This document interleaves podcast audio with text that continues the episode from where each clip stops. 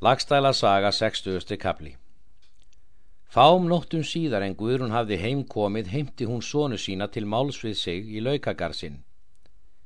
En er þeir koma þar sjá þeir að þar voru breyt niður línklæði, skirta og línbrækur. Þau voru blóðug mjög. Þá mælti Guðrún. Þessi sömu klæði er því sjáu hér frí ykkur föður hemda. Nú mun ég ekki hafa hér um mörg orð því að ekki er vona því skipist að framkvöt orða ef því íhjöðið ekki við slíkar bendingar og áminningar.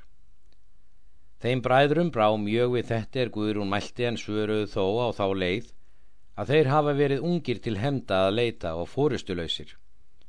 Hvaðus korki kunna ráð gera fyrir sérni öðrum og muna mættum við hvað við höfum látið. Guðrún hvaðst ætla þeir myndu meir hugsa um hestavík eða leika.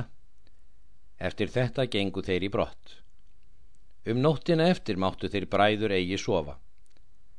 Þorgils var þess var og spurði hvað þeim væri. Þeir segja honum allt tal þeirra maðgina og það með að þeir mega eigi bera lengur harmsinn og fríu móður sinnar. Viljum við er til hemda leita, saði Bodli og höfum við bræður nú þann þroskað menn muni mjög áleita við okkur ef við hefjum eigi handa. Um daginn eftir taka þau tal með sér Þorgils og Guðrún, en Guðrún hóf svo sitt mál. Svo þykir mér Þorgils sem sinir mínir nenni eigi kyrsetu þessi lengur, svo að þeir leiti eigi til hend eftir föður sinn. En það hefur mest vali hér til að mér þóttu þeir þorleikur og botli of ungir hér til að standa í mannráðum en ærin hefur nöðsinn til verða að minnast þess nokkuru fyrr. Þorgil svarar Því þartu þetta mál ekki við mig að ræða að þú hefur þvert tekið að ganga með mér.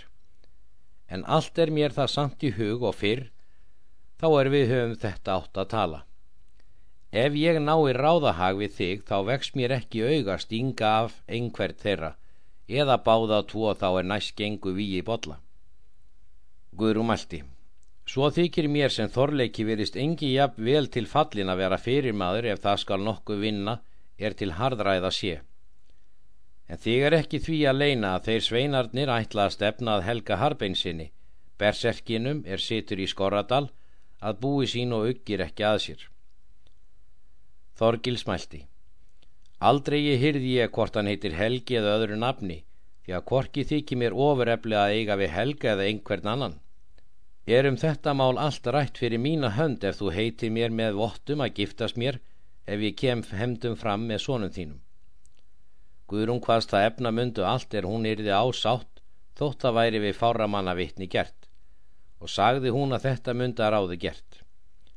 Guðrún bað þángað kalla Haldur fósbróður hans og þá sonu sína. Þorgils bað og Örnólf við vera. Guðrún hvað þess enga þörf er mér meiri grunur á um trúleika örnóls við þig en ég ætla þér vera.